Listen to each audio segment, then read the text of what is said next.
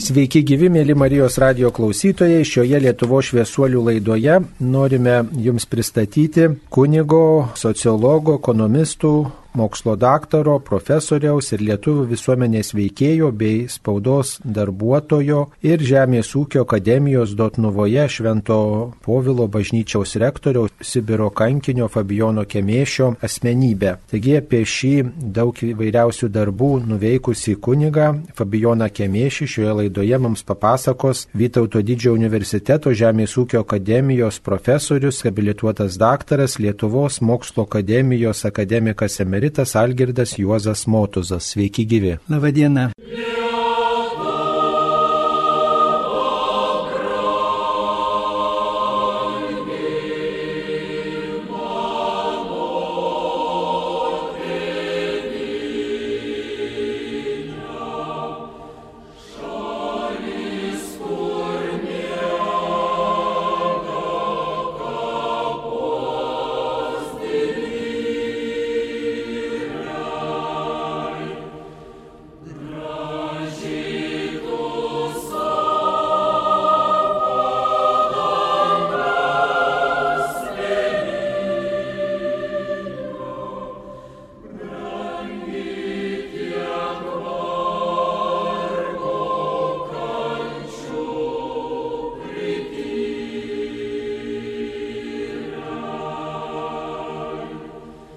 Lietuvo šviesuolis, kunigas Fabijonas Kemiešis, kokia veikla užsiminėjo. Profesorius Kemiešis gimė 1880 metais Vastapų kaime Utenos apskrities Alantos valščioje. Aukštaitis buvo. Aukštaitis buvo. Patriotiškoje lietuvų šeimoje. Tėvas Dominikas Vastapų dvare buvo sukūręs aktyvų lietuvišką bendraminčių ratelį. Iš visos jo raštijos, iš visų jo paliktų veikalų, kuris jums padarė tokį didžiausią įspūdį ir kuris neprarado tokio aktualumo galbūt. Taip, ir ypač dabar vat, mūsų dienomis, kas dedasi, tai jisai liktai atspėdamas numatydamas, kad mūsų ir gerus dalykus, gerus darbus, bet ir sunkumus, sunkumai, kuriuos dabar turime, tarsi išpranašauti kunigo profesoriaus Fabijono Kemėšiaus. Tai jis domėjosi ir Baltarusijos istorija, kad net tuo met, kai buvo atleistas iš dėstytojo pareigų Dotnuvoje Žemės ūkio akademijoje, nenusiminė, bet gyveno Vilniuje ir vis tiek rinko medžiagą kaip mokslininkas apie Baltarusius, apie lietuvių ir Baltarusių santykius, kurie e, Baltarusiai buvo vadinami gudais tais laikais. Ir, ir jam buvo įdomu nustatyti, kur čia yra tos etnografinės ribos. Ir tiesiog labai pagarbiai žiūrėjo į šią tautą, kuri, kaip skaitom iš palaimintų šventojo Jurgio Matulaičio užrašų ypatingai buvo užguita Vilniaus krašte ir jų nemėgo nei lietuviai, nei lenkai, nei kažkokios instancijos ir sako, jie labiausiai buvo nuskriausti. Ir štai e, kuningas Fabijonas Kemėšis domėjosi ir jų istoriją, ir jų ribomis, jų tokių pasiskirstimų. Tiesiog kaip mokslininkas tyrinėjo ir tiesiog palaikė visus to žmonės. Ir tiesiog taip pat svajojo ir pranašavo, kad Baltarusiai taip pat bus kažkada nepriklausomi. Tai, tais laikais atrodė atrodė visiškai neįmanoma. neįmanoma Jeigu neįmanoma. Lietuva jau, jau buvo turėjus nepriklausomybę, tai, tai kažką iš atminties buvo galima atgaivinti, o Baltarusija tai atrodė čia visiškai yra užguiti. Sovietų sąjungos. Sovietų sąjungos yra jau užklupti ir, ir okupuoti ir apie jokią nepriklausomybę jie net svajoti nedrįso. O štai jis pranašavo, kad bus nepriklausoma valstybė. Ir aišku, mums taip pat šiais laikais tas atrodo galbūt irgi šiek tiek keistai, kaip kaip čia jie gali būti nepriklausomi. Bet mes e, esame optimistais. Taip, o iš kitų veikalų, kuriuos teko skaityti jums kaip dirbožėmio specialistui, kaip mokslininkui, gal ir apie jūsų srities kažką radote, ką jisai būt, buvo palėtęs. Labai nedaug tai yra dirbožėmio e, kokybės vertinimas, tai arba žemės ekonominis balas, tai yra užsiminęs ir taip toliau. Ir jisai labai teigiamai atsiliepė apie profesoriaus e, katedros vedėjo Viktoro Ruokio darbus. Dirbožėmio pirmąjį pietų Lietuvos dirbožėmių žemėlapį parengusi, kuris jau įgalino pasakyti, kuriuose Lietuvos rajonuose yra geriausi dirbožėmiai ir našiausi dirbožėmiai, kur galimas didžiausias gauti derlių ir kur yra, na, ekonomiškai neperspektyvus ūkininkavimas, bet galima kitaip verstis - miškininkystę ir, ir taip toliau. Na, dar pasisakęs yra tokiais klausimais straipsniuose, kurie dabar šiais laikais jau užmiršti net ir tokiuose žemės ūkio srityse kaip linininkystė. Daug kur iškia rašęs yra apie linus, apie, apie linų linus, auginimą, tai. apie jų visokius iššūkius ir kad uždirbti iš tos srities. Tai tikrai linai buvo populiari kultūra prieš karą, net ir su sovietiniai Lietuvoje, tik tai dabar jau yra išnykę, nebeaugina šių augalų, bet tais laikais domėjosi žmogus įvairiomis rytimis. O šiaip kokių įdomių gal esate radęs e, kažkokių įžvalgų iš, iš žemės ūkio ar iš socialinės srities? E, Aš noriu knygose. tik prisiminti, jis ne vienas e, buvo, kuris skatino auginti naujus augalus, o kitas profesorius Jurgis Krikščiūnas buvo profesorius, kuris labai skatino auginti cukrinius runkelius. Bet jūs matot, linai beveik išnyko, bet mes susijaudinamės, kokia ir cukrinių runkelių ateitis Lietuvos laukuose. Nes ekonominiai santykiai ir politiniai santykiai žemės ūkija nėra palankus cukrinių runkelių auginimui. Minėjot, kad rašė ir sakraliomis temomis. Būdamas kunigas tiesiog negalėjo nerašyti įvairiuose leidiniuose, kaip kunigas, kaip dvasininkas, apie tikėjimą, apie dorą, apie gailestingumą, apie bažnyčios lankymą, kad darbai tiesiog neužgoštų tos svarbiausios kataliko pareigos lankytis šventosiuose mišiuose. Ir tiesiog atrodo žmogus kaip kunigas jau buvo nuo tos tiesioginės tarnystės tarsi ir nutolęs, tiek laiko skirdavo ties studijoms ir darbininkų klausimais, ir apie žemės ūkį domėjosi, ir apie kooperaciją, ir apie socialinį klausimą, ir apie blaivybę. Ir vis tiek jis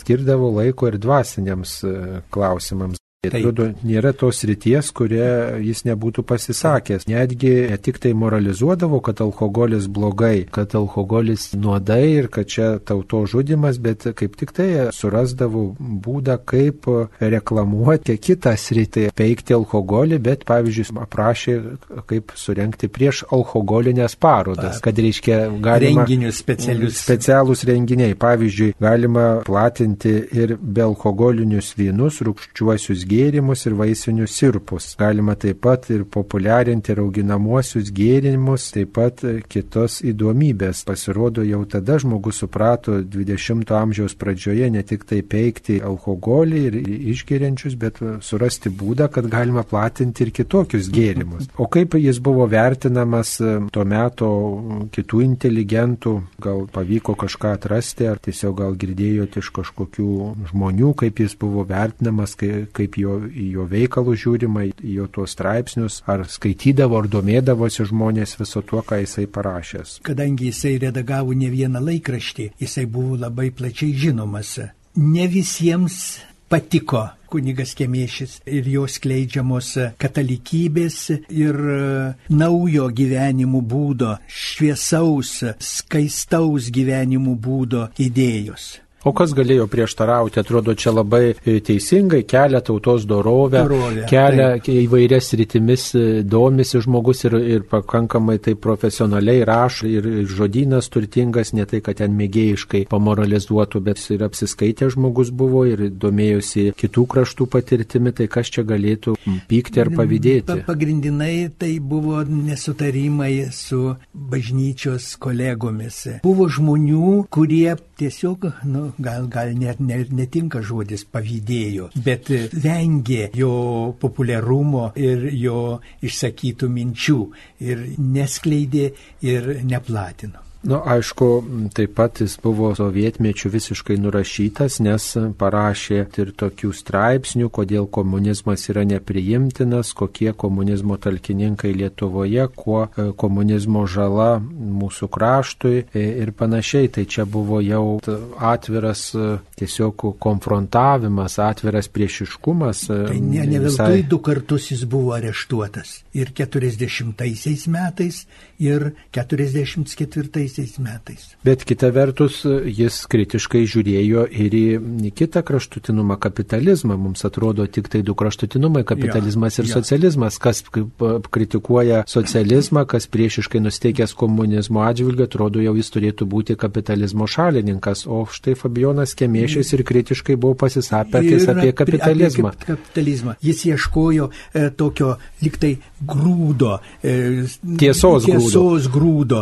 Kad ir iš tų galima pasimti kai ką, ir iš tų galima pasimti kai ką. Svarbu turėti mintį, e, svarbu turėti galvą, jeigu tai pasakius. Ir e, vykusiai vadovauti valdžios vyrams siūlė, bet ne visada jisai buvo mėgstamas už tuos pasiūlymus. Na tai tiesiog ne tik, kad nemėgstamas, bet tiesiog žiūrėjo kaip į priešą, kaip į kenkėją, kuris ne tik tai, kaip sakant, tarp studentų, tarp autoritetų gali skleisti priešišką mintį, bet ir taip pat studentams dėgia. Tai aišku, kad turėjo būti kaip mat išprašytas iš aukštosios mokyklos. Dar viena sritis, į kurią profesorius Fabijonas Kemiešis atkreipė dėmesį ir kuri mūsų laikais taip pat aktuali, tai yra šeimų tema.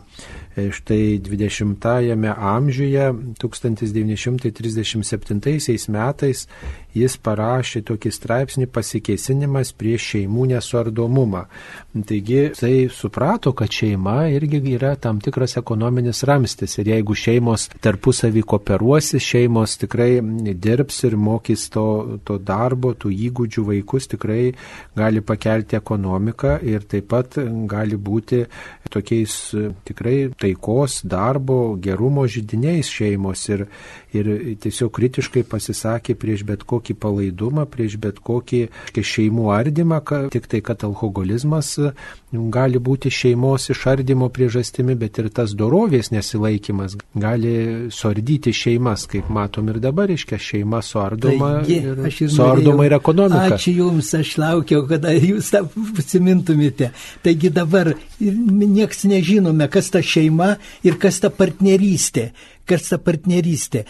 Atrodo savotiškai liktai vėl jisai lik pranašas, e, lik pranašas, ką mes, vat, praėjo tiek metų ir mes vėl nesuprantame, nei kas šeima, nei kas ta partnerystė ir įstatymiškai apibriežti, apibūdinti nesugebame.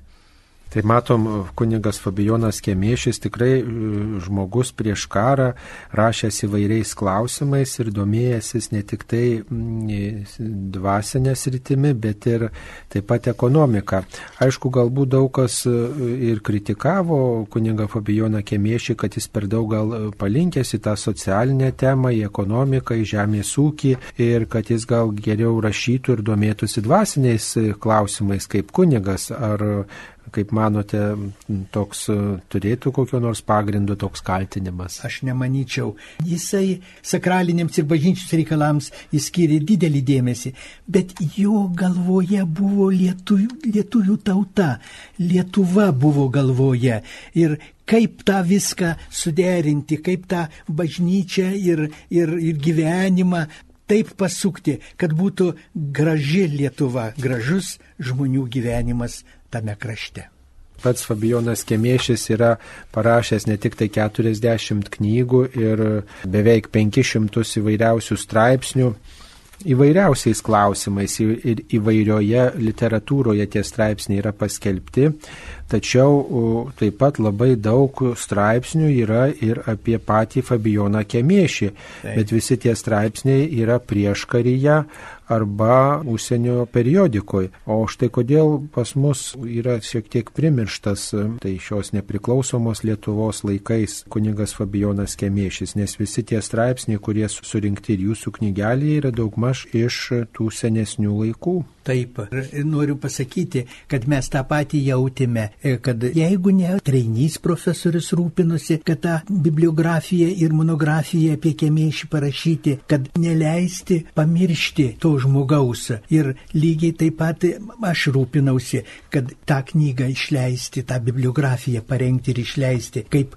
įžanga į, į gal, galbūt duok Dievę sveikatos mūsų ekonomistams universiteto, kad jie gal atsiras jų tarpe žmogus, kuris tos bibliografijos pagrindu o nu čia viskas surinktava, jūs labai gražiai vartydamas pagaunate mintis to, to jo gyvenimo ir jo rūpeščių, jo būdo mintis.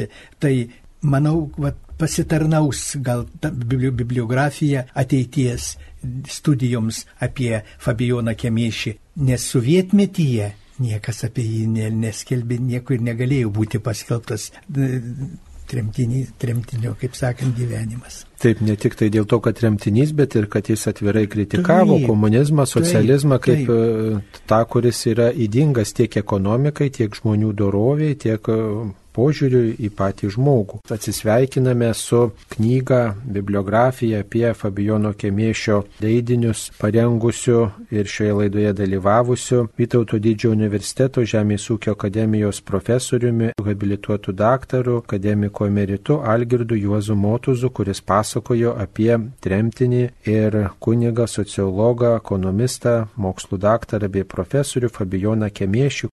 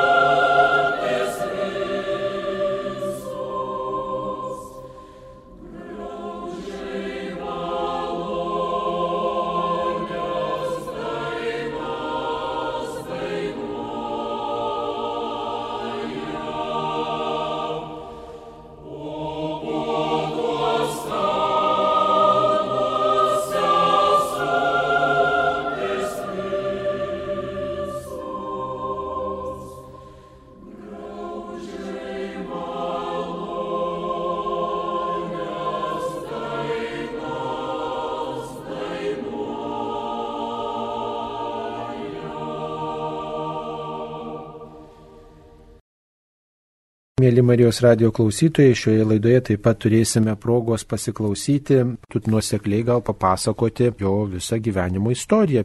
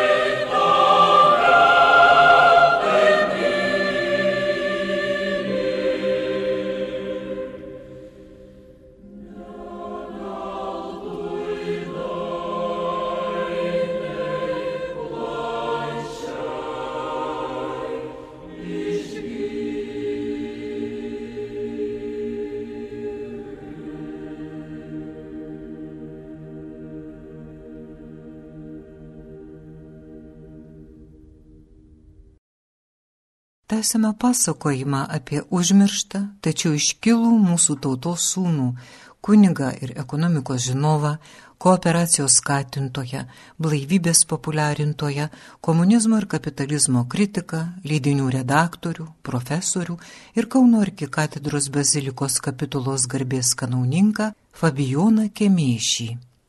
Jis gimė 1879 m. sausio 20 d. Vastapų kaime, Aluntos valščiuje, Utenos apskrityje, Dominyko ir Barboros Kemėšų šeimoje. Be Fabijono šeimoje buvo dar trys seserys - Leonora, Margarita ir Juzefa. Tėvai buvo vidutiniai ūkininkai, turėjo 27 hektarų žemės. Kemišai buvo apsišvietusių lietuvių šeima, platino lietuviškas knygas. Fabijonas pradinį mokslą įgyjo šeimoje. 1890 metais išvyko mokytis į Palangos progimnaziją, kurią baigė po penkerių metų. Vėliau mokėsi Liepojos gimnazijoje, kurioje baigė šešias klases 1897-aisiais, įstojo į Kauno kunigų seminariją. Joje mokėsi iki 1902 metų. Seminarijoje įsijungė slaptos lietuvių klierikų draugijos veiklą, skaitė klierikams referatus, rengė meno vakarus. Jo lietuvišką veiklą pastebėjęs inspektorius kunigas Pranciškus Ksaveras Kriškijonas įspėjo Fabijoną mesti tą velnišką reikalą. Besimokydamas seminarijoje susipažino su popiežiaus Leono XIII socialinėmis enciklikomis, kurios įkvėpė Fabijoną Kemėšį domėti socialiniais klausimais. 1902 m. spalio 1 d. Vyskupas Gasparas Felicijonas Cirtautas Fabijoną Kemėšį išventino į kunigus ir paskyrė vikaru Tauragėje. Nuo pat pirmųjų vikaravimo dienų Fabijonas Kemėšis aktyviai domėjosi socialiniais klausimais. Jis rūpinosi parengti mokytojų parapinėms pradžios mokykloms, įsteigė lietuvišką kooperatyvą, Energingas vikaras kooperacijoje matė ekonominio pakilimo priemonę, skatino gyventojus imtis amatų ir priekybos, populiarino kooperacijos idėjas. 1907 metais suorganizavo lietuvišką vakarą, kuriame dalyvavo Tilžės birutės choras.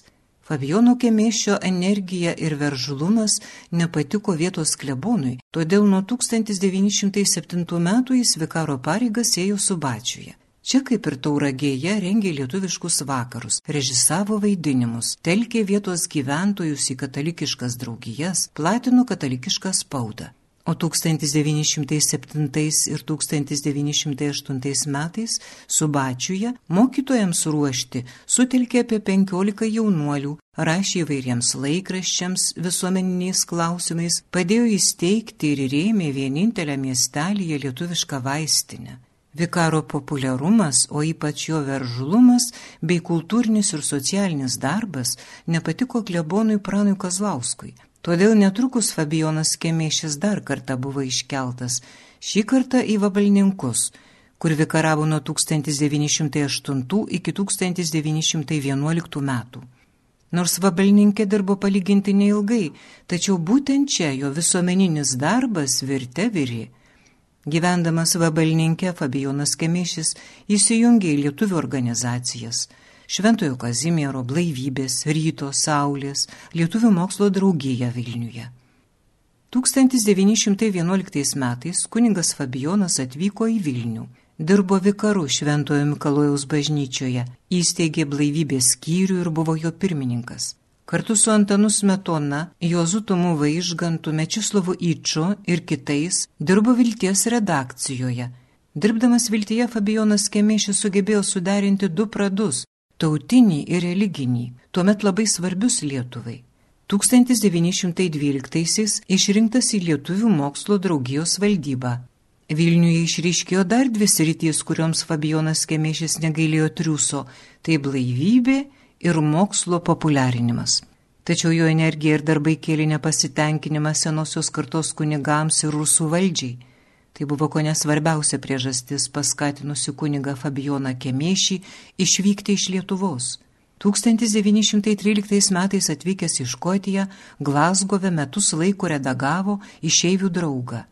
1914 m. pradžioje atvyko į Junktinės Amerikos valstijas, kur buvo pakviestas Čikagoje redaguoti draugą. Nuo 1914 metų redagavo draugą ir buvo Dievo apvaizdos parapijos vikaras. Amerikoje Fabijonas Kemešis aktyviai įsijungė į lietuvių katalikų akciją ir tautinį darbą, paskatindamas atsirasti daugelį naujų organizacijų bei laikraščių.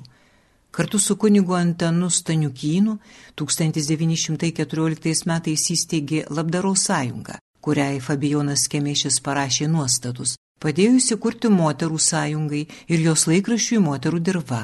Daug energijos skyrė 1913 metais įsikūrusiems Lietuvos vyčiams, steigė naujus skyrius, organizavo chorus, dramos ratelius, vakarinius kursus, bibliotekas, Jau 1914 m. rugsėjo mėnesį Amerikoje išbuvęs nepilnus metus, Fabijonas Kemėšis sukvietė katalikų suvažiavimą, kuris įsteigė tautos fondą Lietuvos laisvės kovai remti ir sudarė Amerikos lietuvių tarybą. Fabijonas Kemėšis buvo išrinktas šios tarybos nariu.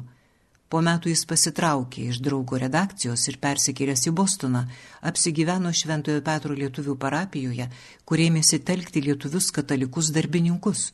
1915 m. birželio mėnesį Fabijono Kemėšio pastangomis buvo įsteigta Lietuvių darbininkų sąjunga, o rugsėjo mėnesį pasirodė sąjungos laikraštis darbininkas, kurio vyriausiojo redaktoriumi ir sąjungos dvasios vadu buvo Fabijonas Kemėšis.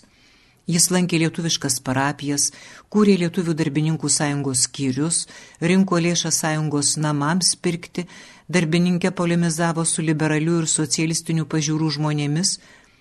1917 ir 1918 metais vėl dirbo draugo redakcijoje, vikaravo Šventojo Jurgio parapijoje ir Lojolos universitete studijavo sociologiją.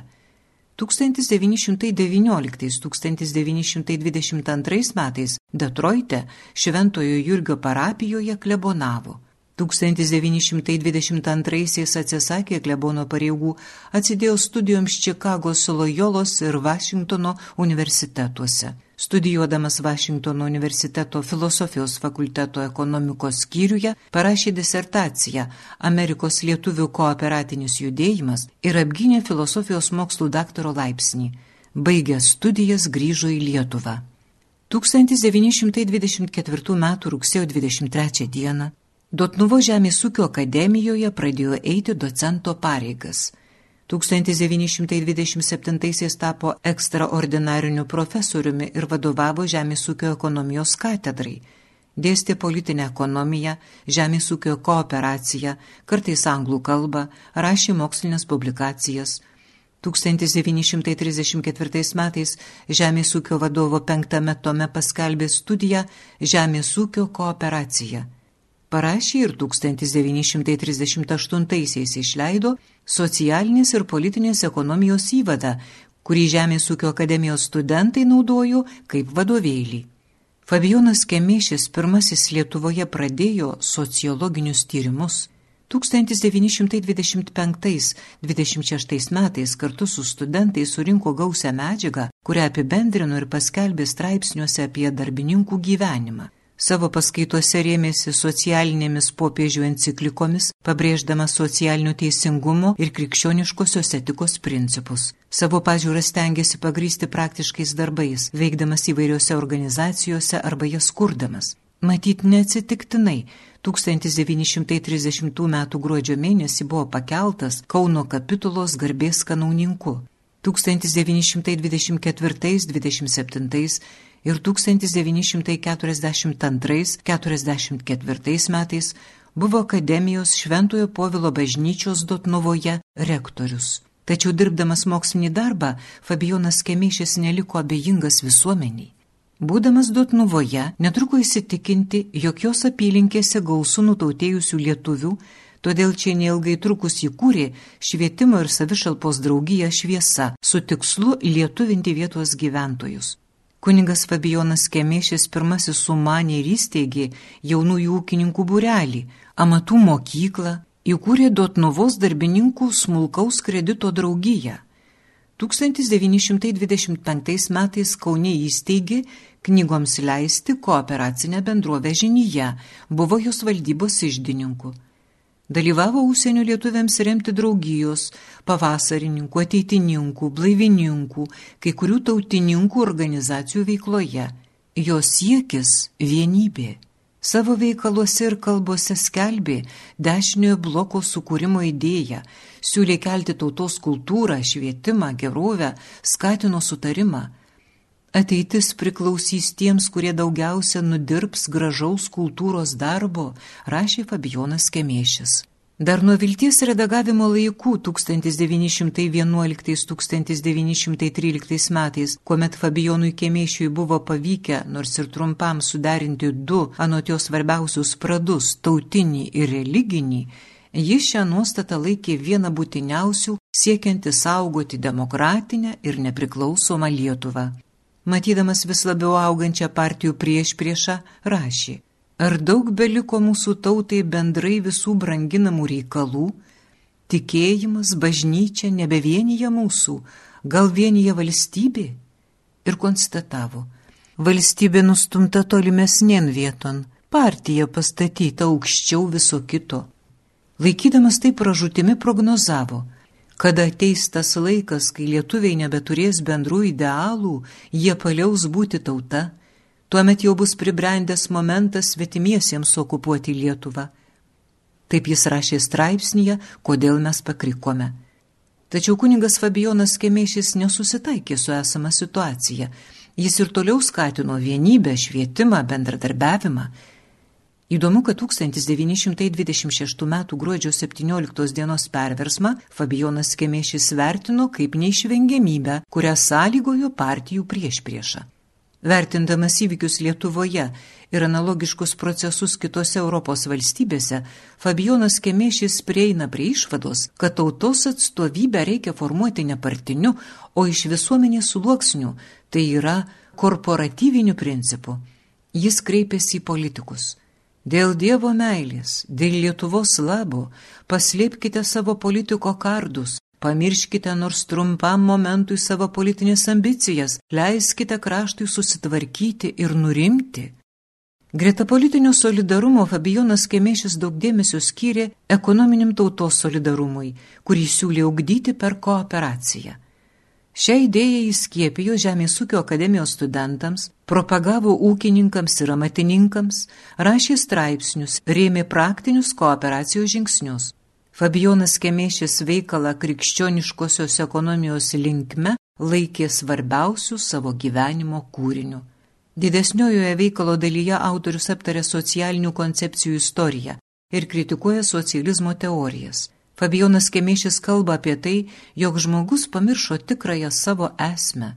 Anot autoriaus, negalima ir nereikia atskirti žmonijos ekonomikos nuo jos dvasinio gyvenimo, nes ir ekonomikoje, ir moksle, ir mene, ir religijoje yra visas žmogus, visos jo moralinės ir materialinės jėgos.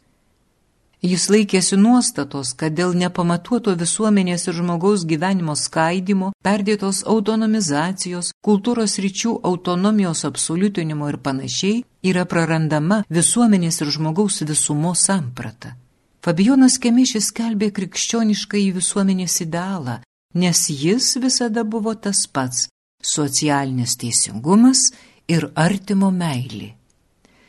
Analizuodamas visuomenę ir jos raidą, Fabijonas Kemėšis laikėsi nuostatos, kad pagrindinis atskaitos taškas yra žmogaus prigimtis. Todėl svarbiausia yra ne socialinis universalumas, ne valstybė, ne klasė ar tauta, o žmogus kaip asmuo. Žmogus yra Dievo kūrinys, todėl jo prigimtis yra pastovi ir nekintanti.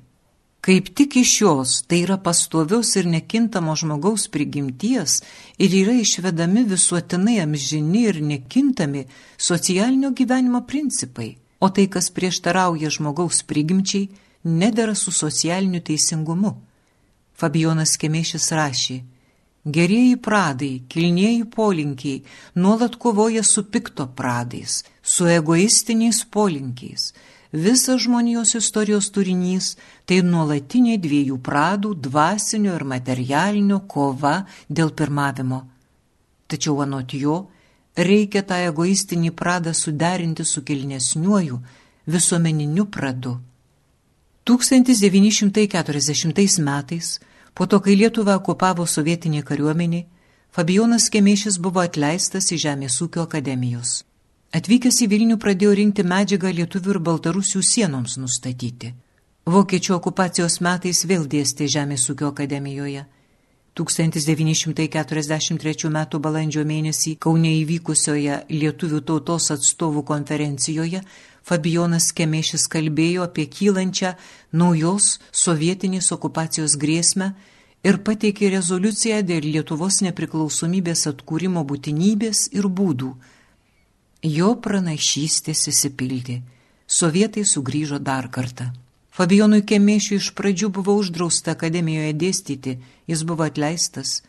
Nuo 1945 m. rugsėjo mėnesio buvo klebonas viešintų, nuo 1946 m. Liepos mėnesio Pandėlio parapijoje, kur spalio 16 dieną po rožančiaus pamaldų buvo suimtas sovietų saugumo darbuotojų ir apkaltintas tėvinės išdavimu, Sovietų sąjungos šmeižimu, bendradarbiavimu fašistinėje spaudoje. Suimdami profesorių kanauninką Fabijoną Kemėšį saugumiečiai paėmė jo renktas studijas. Tribunolo posėdėje Fabijonas Kemėšis sakė, dabar tarpusavėje kovoja dvi sistemos - kapitalizmas ir komunizmas, tačiau aš įsitikinęs, kad jos nepaliks amžiams. Tikiu, kad bus kažkoks naujas, trečias kelias ir jį žmonėje ateis. Garbingas Lietuvos sūnus, dvasininkas ir dėstytojas Fabijonas Kemėšis ištremtas į Sibirą 1948 metais kaip pavojingas nusikaltėlis, daug kankintas, tardytas, konfiskuotas visas jo turtas per 2000 lapų rankraščių. Kanauninkas Fabijonas Kemėšis mirė 1954 m. sausio 21 d. Marijinske, Kemerovos rytyje sulaukė 74 metų, palaidojimo vieta nežinoma. Alantos bažnyčios šventoriuje šalia kitų kunigų kapų 1993 metais jam pastatytas simbolinis paminklas Kenotafas. Visą savo gyvenimą nenuilstamai siekęs vienybės, santalkos, bendram kuriamajam darbui, skelbęs Dievo žodį ir įdėgęs ekonominėje srityje, Kanauninkas Fabijonas Kemėšis paliudijo meilę Lietuvai ir parodė, kaip galime statyti Dievo karalystę, nepaniekindami pačių silpniausių savo brolių ir sesių. Dieve, suteik amžiną džiaugsmą savo tarnui Fabijonui, kuris taip plačiai rūpinosi Lietuvos švietimu, Lietuvos ekonominiu pakilimu ir dvasiniu gyvenimu. Tegul tas rūpestis mūsų tėvynė, rūpestis artimu ir tiesos ieškojimas būna ir mums visiems artimas. Ačiū, sudė.